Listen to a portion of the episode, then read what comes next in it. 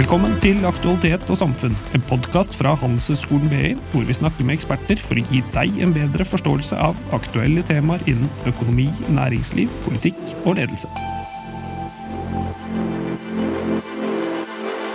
Hvert år gjennomfører Norges Bankwatch en uavhengig evaluering av den norske pengepolitikken på oppdrag fra Finansdepartementet. Blant konklusjonene i årets rapport var at Norges Bank i all hovedsak hadde en effektiv kommunikasjon, men bommet på valutaprognoser og satte opp renten for sent.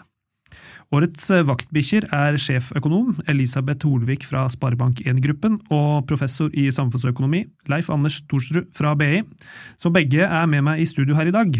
Jeg heter Henrik Stølen og kommer fra kommunikasjonsavdelingen på BI. Velkommen i studio. Takk. La oss eh, starte litt med bakgrunnen her. Kan dere si litt om eh, hva Norges Bankwatch er, for lyttere som kanskje ikke har så god kjennskap til det? Ja, altså på BI så har det jo vært et senter for pengepolitikk eh, i mange mange år. Og en av de viktigste oppgavene det senteret har, det er jo å utnevne en gruppe uavhengige økonomer til å ta en titt på hva Norges Bank har gjort med pengepolitikken året før. Og Finansdepartementet bruker det som input når de skal lage finansmarkedsmeldinger som går til eh, Stortinget hvert år. Så det er en litt sånn eh, ja, en sånn eh, se Ta et lite gjennomgang av hva har skjedd. Kunne de gjort noe annerledes? Er det noen markedsaktører eller akademikere? Tenker hadde vært lurt for Norges Bank å gjøre annerledes eller tenke på eller ja, forbedre. Mulighet for å forbedre pengepolitikken. Ja, var det en grei oppsummering, eller har du noe å legge til? Nei, Det syns jeg var en veldig god oppsummering. Men den har jo holdt på helt siden i alle fall år 2000. Så, um, så de har holdt på i en god 20 år. Jeg titta faktisk før møtet i dag på, på, på, den første rapporten, som iallfall ligger på nettsidene. Det er fornøyelig lesning. Så de anbefaler skrevet av uh, Øystein Tøgersen bl.a. i år 2000. Uh, og Harald Magnus Andreassen var vel også mm. med på den. Ja. Nei, det var jo veldig nytt dette her med at vi skulle ha en flytende valutakurs og inflasjonsmål. Og, så det har jo vært store endringer i både pengepolitikken og samspillet mellom Finansdepartementet, Norges Bank, Finanstilsynet. Så det å ha liksom et lite fagmiljø eh, og noen eh, møteplasser for oss som sitter i markedet og skal forstå eh, det Norges Bank og den økonomiske politikken eh, forsøker å gjøre. og eh, akademikere som forsker på det. Det tror jeg er veldig nyttig. da. Det gjør jo at en får en, ja, en møteplass og et forum for å diskutere noe som er viktig for, si, for hele landet. Mm. Eh, i år så var det jo litt å ta tak i i rapporten. Ehm, bakteppet er jo at 2023 eh, ble avsluttet med den høyeste styringsrenten på 15 år, på 4,5% etter 14 strake rentehevinger. Altså, de har jo hatt eh, nok å gjøre og mange hensyn å ta. Eh, og dere er jo også veldig tydelige i konklusjonene. Hva er bakgrunnen for at dere mener at Norges Bank satte opp renten for sent? Kan begynne med deg.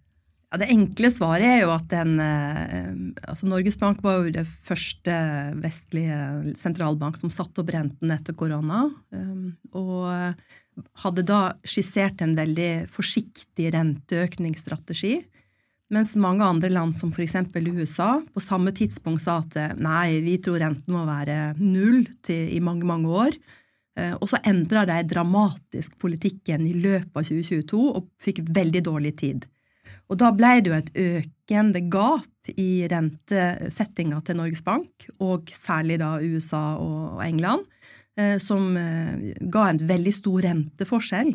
Eh, så på våren 2023 så var faktisk renten i USA to prosentpoeng høyere enn i Norge, og det ga jo selvfølgelig en svak kronekurs. Så det er noe med den ja, hva skjer i andre land, har en veldig stor betydning for hva effekten av rentesettinga i Norge blir, eh, og hvordan en analyserer alt det som skjer eh, internasjonalt.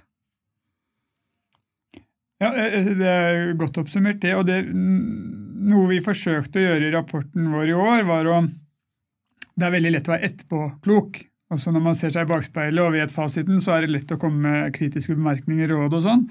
Um, og det er på en måte greit nok, men det vi forsøkte i rapporten å gjøre, bortsett fra også å fortelle liksom mer det narrativet, det som skjedde, var å, å late, sette oss i en posisjon med noe hjelp av noen modeller og litt mer økometri, som vi holder på med her på BI og i forskningen.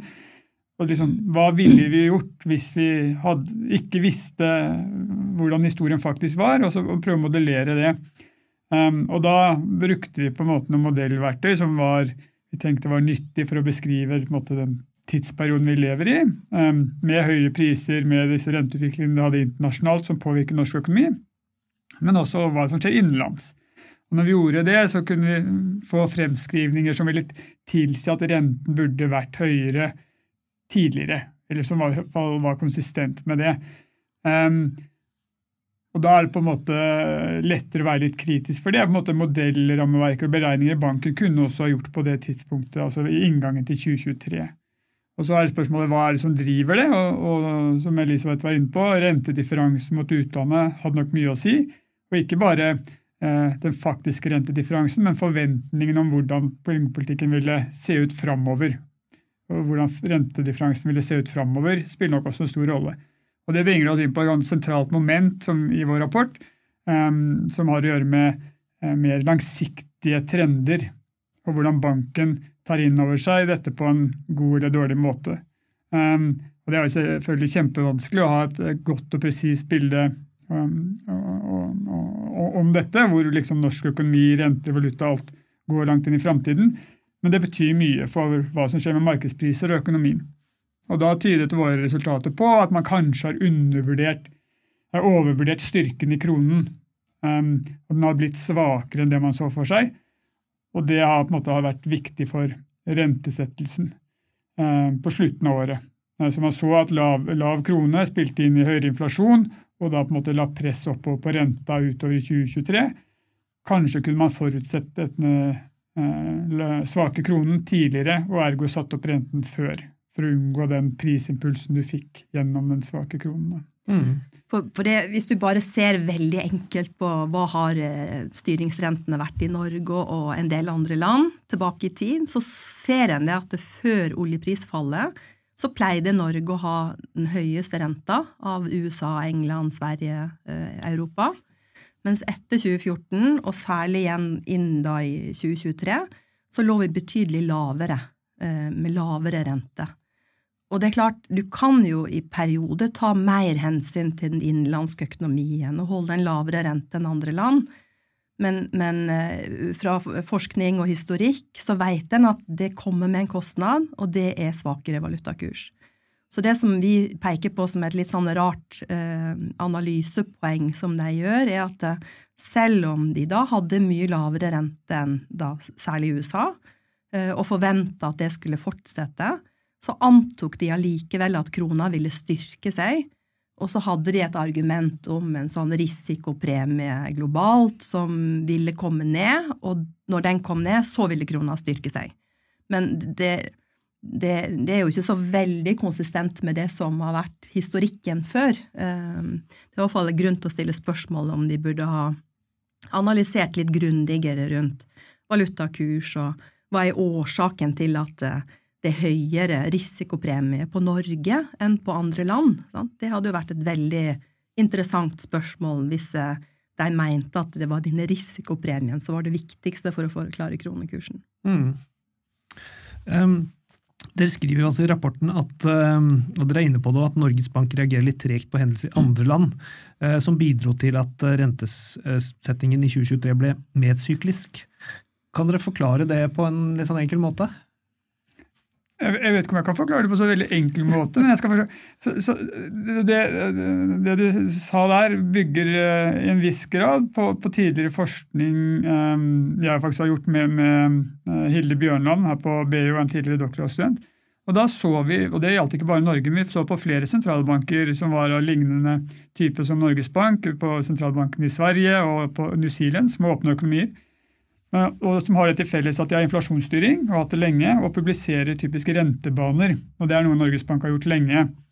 Eh, og så Hvis man da ser på revideringen i disse rentebanene, så, så, viser den forskningen vår at du kan predikere endringer, du kan forutsi hvilke endringer de kommer til å gjøre i rentebanen.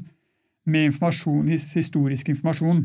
Sånn burde det egentlig ikke være hvis du følger liksom økonomi, læreboka til punkt og prikke. Da skal all informasjon hele tiden være bakt inn i dine nye uh, anslag du gjør. Og det skal jo være umulig å predikere endringer i anslag, altså endringer i rentebane. Men det går altså an både for Norges Bank og uh, Riksbanken i Sverige og, og sentralbanken i New Zealand. Så det vi gjorde i rapporten nå, var å, å, oppdatere deler av den forskningsrapporten, og da fant vi at jo da, det holder fremdeles at du kan predikere noen, forutsi noen av disse endringene. Eh, noe vi ikke gjorde i, i, i rapporten vår nå, var å, å, gjøre del to av det forskningsarbeidet som, som de funnene bygde på. Det var nemlig som går på dette med medsykliskhet. For det vi viser i den forskningsrapporten, er at disse overraskende disse endringene i rentebanen som er predikerbare, de oppfattes faktisk av markedsaktørene som det vi kaller pengepolitiske sjokk eller overraskelser. Så selv om de er predikerbare, når vi gjør det liksom uh, statistisk analyse på det, så har ikke markedet fullt tatt inn over seg dette. Ergo så blir det litt overrasket hver gang banken reviderer rentebane. Og de overraskelsene fører til en medsykliskhet i, i, um, i økonomien. Så, så, så hvis, rente, hvis det er på oversiden, på oppsiden så får du en oppgang i øh, aksjepriser, du får en oppgang i, i økonomisk aktivitet. eller det, Disse overraskelsene henger sammen med, med, med, det. Med en oppgang i økonomisk aktivitet og i, i um, aksjepriser, f.eks. Så det er det vi mener med det. Og det er litt sånn det er ikke sånn du tenker på at pengepolitikken skal fungere. Du tenker at hvis de overrasker med sterkere rente, ja, så faller aksjemarkedet, så faller økonomiske aktiviteten, så faller prisene. Mens denne spesifikke type overraskelse som henger sammen med denne predikerbarheten, fører faktisk til det motsatte. At ting går opp istedenfor ned etter en overraskelse. Så det er litt, um, uh, litt overraskende. Um, hvis du, og hvis du tenker på pengepolitikken da, etter korona, sant, så tenk på de dramatisk kraftige kuttene som kom. Og så tok det lang tid med nullrente, og så skulle en da øke rentene veldig sakte og forsiktig. Så det er klart folk vente seg jo til at rentene var lave. Og hvis det da hadde vært riktig å øke rentene raskere, så hadde en jo dempa veksten før inflasjonen begynte å stige veldig mye.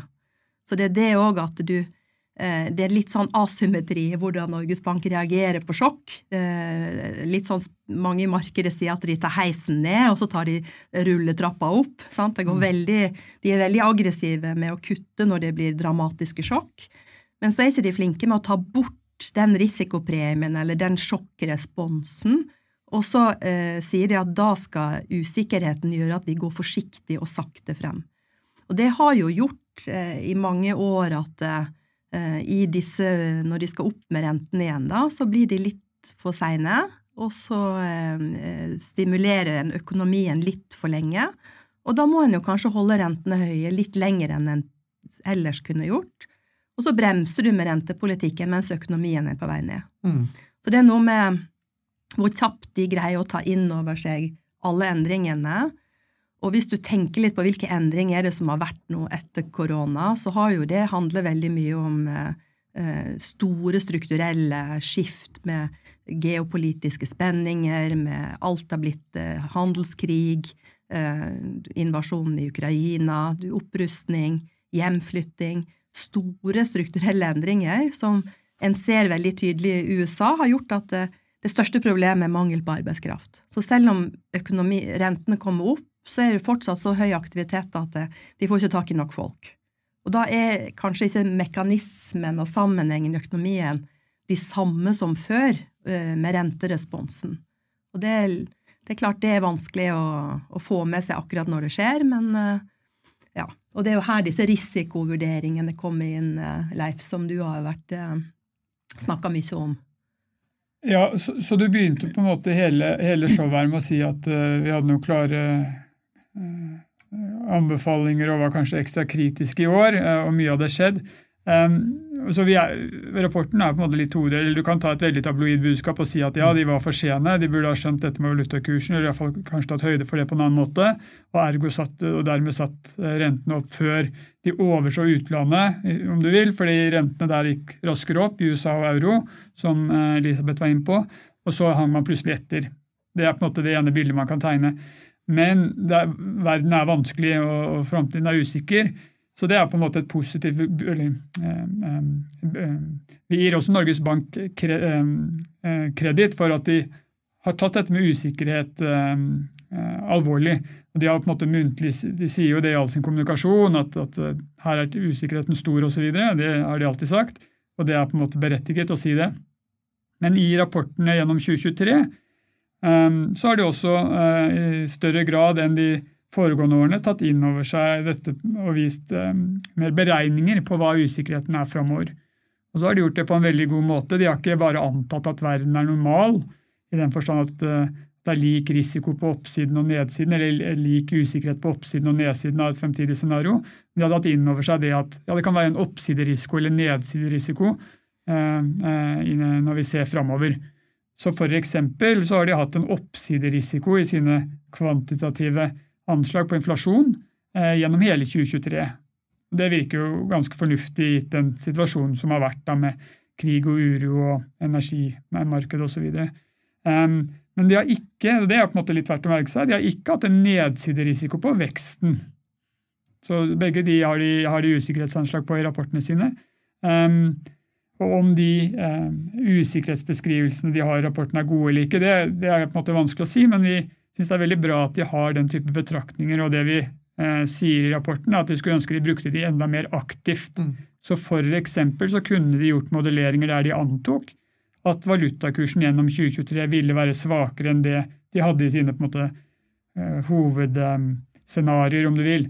Om det var pga. at det var mer strukturelle trekk i norsk økonomi som dro til seg en svakere krone, eller om det var med midlertidige risikopremier som, som, som ville trekke ned eh, kursen en periode. Eh, det kan man jo diskutere, det er ikke så godt å si. Det kan være litt av begge deler. Men at, at de hadde kanskje tatt inn over seg det mer i noen scenarioer og sett det opp mot sånn oppside- og nedsiderisiko for inflasjon um, og, og, vekst og arbeidsmarked, om du vil. Um, så der er de på gang, og de gjorde mye bra i 2023, men de, vi anbefaler at de kanskje kunne gjøre enda mer.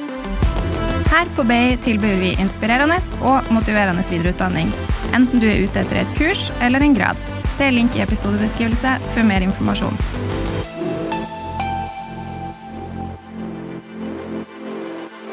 Det, det, handler jo også litt om å, hvordan du tenker, for det er stor forskjell på risiko og usikkerhet. Sant? Risiko kan jo du sette noen tall og anslag på, mens usikkerhet det er jo ting som kanskje skjer.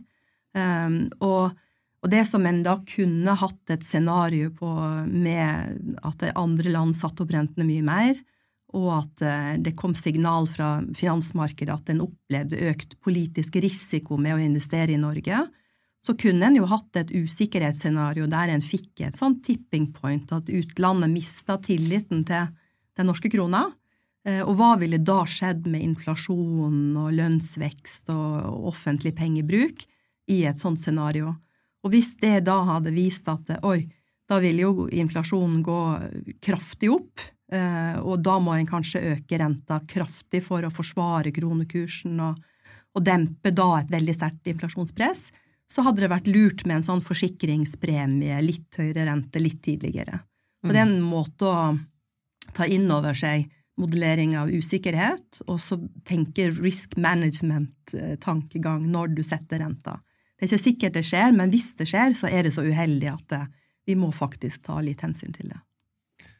Jeg synes dette, for dette er et veldig viktig moment. for jeg tror Noen økonomer som leser vår rapport, og kanskje også mer andre ikke-økonomer, vil kanskje tenke at ja, hei, de bygger sin argumentasjon her i rapporten på at Norges Bank skal kunne forutse hva som skjer med valutakursen. Og Det er veldig urealistisk. og Det er ikke det vi sier. Å predikere valutakurs det er ikke lett. Og Hvis du kunne gjøre det, så, så hadde vi ikke sittet her i podkast. Da hadde vi trada og tjent penger og vært på Bahamas. Så så, så, det sier vi ikke. Så Norges Bank legger vel til grunn egentlig more or less i sine rapporter en, en ganske konstant valutakurs. Altså en, at valutakursen om et år er more or less det den er i dag. Og det er på en måte Forskning tyder på at det kan være et godt anslag på valutakursen. Men det vi sier er at man, som Elisabeth er inne på nå, at man kunne jo sett for seg et alternativt scenario der vi la til grunn at valutakursen var vesentlig svakere eh, eller sterkere, eller hva man nå legger til grunn, og så sett ja, hvordan ville det da blitt med inflasjon? Ville vi da fått en skikkelig oppsiderisiko, eller havnet i halen på en inflasjonsanslag. Og hvis så, ja, da må vi kanskje sette opp renta for å motvirke det. Men vil da økonomien gå i, i dass? Eh, for de har jo et, I mandatet så skal man også ta hensyn til også realøkonomien, at man ikke skal kjøre den på dunken, samtidig som man skal ha eh, ok inflasjon. Um, men det kunne man da evaluert i en sånn scenarioanalyse. og Det er på en måte det, det er vel hovedkonklusjonen, hvis du spør meg i, fall, i rapporten vår. Mm. Um, mens den tabloide er mer at de burde ha ja, hevet renten osv. Ja. Nei, for det er jo litt spesielt med Norge. fordi Hvis du går liksom tilbake til når eh, en starta med disse Norges Bank Watch-rapportene, og sånt, så var jo veldig mye av de eh, eh, økonomiske virkemidlene vi har for å styre økonomien, det var jo fundert i fast valutakurs. At en skulle ha stabilitet i valutakursen. For da er det veldig lett å se at hvis vi har høyere lønn, og svakere produktivitetsvekst enn våre handelspartnere, så svekker konkurransekraften seg, og så får du et problem på lang sikt med, med det som en kaller hollandsk syke, og du får for liten konkurranseutsatt sektor. Så det, det å ha liksom et lite blikk på hvordan går det egentlig med det vi planla for, når vi etablerte disse økonomiske mekanismene, eh, og er vi liksom Tar vi de for gitt, slik at vi tror vi kan, på samme måten som på 70- og 80-tallet, at du kan tillate litt lavere rente og litt høyere inflasjon fordi vi skal hjelpe økonomien.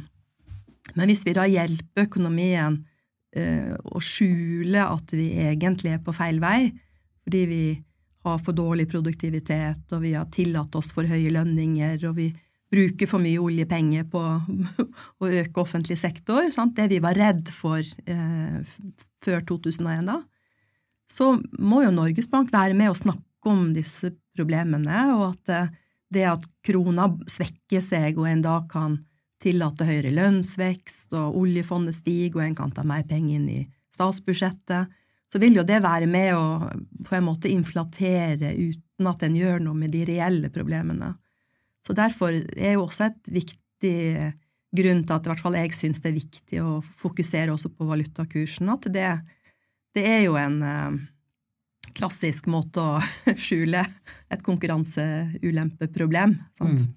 Så, og der er jo Norges Bank med en stor stab av flinke økonomer en viktig stemme i å snakke om hvordan økonomien og økonomiske samspillet egentlig er.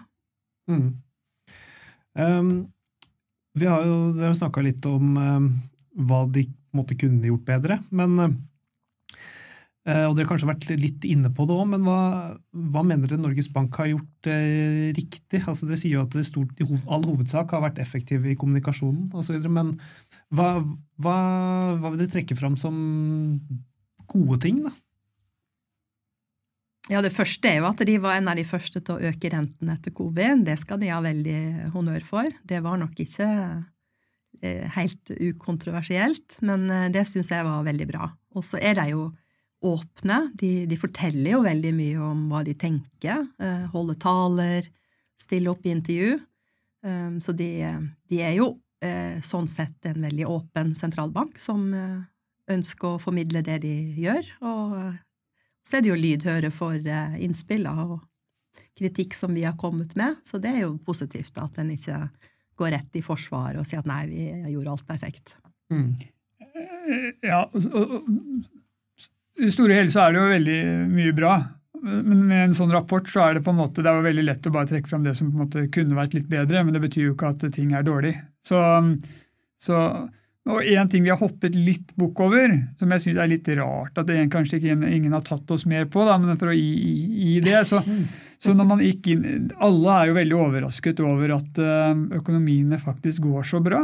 Um, til tross for at man har satt opp renta nå med to prosentpoeng pluss uh, i Norge, men også internasjonalt. Har man jo hatt veldig kraftige renteøkninger. Men det, jo, det har ikke blitt disse resesjonene alle predikerte for et år siden. Og vi har heller ikke noe godt svar på det i rapporten. Så når vi gjør de kontrafaktiske analysene vi gjør med noen modellberegninger og sånn, så er det også Der er det litt spørsmålstegn altså i våre, de tallene vi får. Hvorfor har ikke økonomiene gått dårligere til tross for at rentene har blitt så høye. Noe ligger nok i, i at realrentene fremdeles har vært ganske eh, ekspansive. Um, så, så realrente, altså nominell rente minus inflasjonen, Um, um, den er jo fortsatt negativ, Den er jo fortsatt negativ, eller nå kanskje rundt null, litt avhengig av hvordan du regner på det. Men, men gjennom store deler av fjoråret så var det negativ. Nå er det ikke realrentene som betyr alt, men de betyr mye i økonomi. da. Um, så, så, så, det er jo litt, um, sikkert litt av forklaringen. Men der har mange vært overrasket, ikke bare Norges Bank, men også andre internasjonale økonomer og innenlandske økonomer. Hvorfor har de ikke gått dårligere i arbeidsmarkedet osv. Da kan man jo forstå at Norges Bank kanskje tilla det ganske mye vekt når de begynte på denne eh, rentekjøret. Um, og har blitt overrasket at det ikke har gått verre, og, og dermed har vært litt tilbakeholdne. Um, så, så, det er et interessant spørsmål for forskere og andre. Hvorfor har det faktisk gått uh, så bra som det har gjort, iallfall så langt. da. Um, og så Litt tilbake til dette med, med eh, et stikkord som viktig, har vært viktig i vår rapport, er, er, disse langtidsbetraktningene. Hvor tror vi økonomien? Hvor er trenden i økonomien? Det ble nevnt Hollands syke her. Eh, hva betyr det? Jo, det betyr at vi vi har jo vært en veldig oljefòret økonomi i mange mange, mange år. Nå ser vi kanskje tegn til ja, Kanskje vi ikke ser tegn akkurat nå, da, men før de siste eh, støttepakkene til oljenæringen, så så man både tegn til at, at okay, vi, det er en solnedgangsindustri. På et eller annet tidspunkt så er, det over. Enten pga. klimapolitikk eller pga. at det er tomt. Men, eh, så vi har på en måte kanskje passert toppen. Og da får man det man kaller Hollands syke, at man har vært veldig rik, fått masse, masse enkle penger, om du vil, høye inntekter, som ikke er så enkelt å, erstatte med noe annet. Um, og det kan være en tøff omstilling for, for, en økonomi. Det var det for Holland på 70-tallet, og det kan bli det for Norge uh, nå og framover. Um, men, da må man ta inn over seg de, og det er endringer i trender, langsiktige ting. Uh, og det er veldig lett å anslå framtiden og sånn når ting bare følger en, en voksende trend, en rett linje inn i himmelen. Men når ting begynner å bøye på seg plutselig, da blir det mer usikkert. Og nå er vi på en måte i en situasjon der mange trender kanskje driver og bøyer på seg. Altså For Norge dette med oljen. Eh, man har demografi. Vi får en eldrebølge som nå slår inn for fullt. Både i Norge og i mange vestlige land. Eh, vi har dette med klima. Det er jo åpenbart mye som skjer. Eh, du har det geopolitiske, som ble nevnt her. Så det er mange ting som på en måte endrer seg nå, som gjør det veldig utfordrende for, eh, for uh, pengepolitikken og også annen type politikk, selvfølgelig. Um, uh, og da tror vi det kan være nyttig med disse scenarioanalysene. Altså. Mm. Også se, gjøre disse risiko- og scenarioanalysene. Og Det er ikke slik at pengepolitikken nødvendigvis påvirker klima eller uh, omstillingen til Norge etter oljen, eller det geopolitiske, for den saks skyld. Det gjør sannsynligvis ikke det, men det kan spille en rolle i i hvordan vi på en måte tilpasser oss eh, denne nye eh, langsiktige vekstbanen eller langsiktige trendene. Fra det gamle til det nye er det jo på en måte en, en vei, og den veien kan pengepolitikken spille en rolle.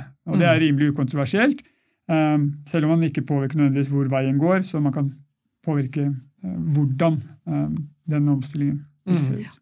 Og det, altså, det, det, eneste som betyr noe på sikt for et velferd i et samfunn, det er produktivitetsveksten.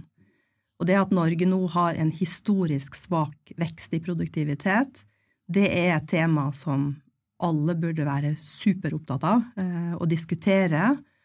Og hvis det er slik da at en eh, prøver å bruke pengepolitikken for å, å, å, liksom å glatte litt over det, så, så, skyver en jo bare problemet foran seg.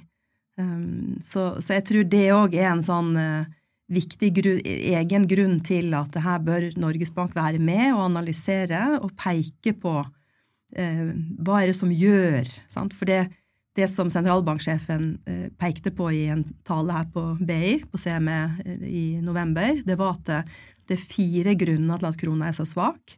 Og det første er at vi har svakere vekst i produktivitet enn våre naboland. Det andre er at vi har lavere rente. Og da er jo spørsmålet hvorfor tåler ikke vi høyere rente enn andre land. Um, og så er det at eh, de som har kapital og spare i Norge, de plasserer det i økende grad i utlandet.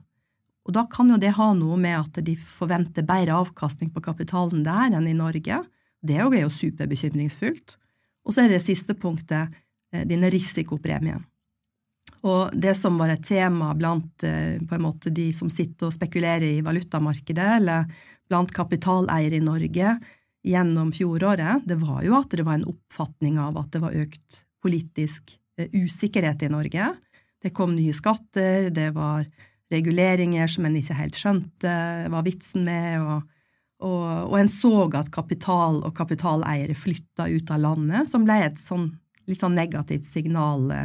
Det er ikke noe bra når det står på forsida i Financial Times at uh, gründere flykter fra skatteregimet i Norge. Sant? Det er liksom ikke noe uh, sånn velkommen til å starte bedrift i Norge. Så, så at vi begynner å diskutere disse temaene, uh, og det er jo en oppfordring til BI, som er en business school, å ha tette forhold til næringslivet. Se på hva er det vi kan komme av råd, og hva kan vi gjøre for å løfte veksten i produktivitet i norsk økonomi. Hvis det ikke, så går det utover velferden til oss alle i årene framover. Jepp. Vi tar med oss det som et oppspill, vi, her på BI.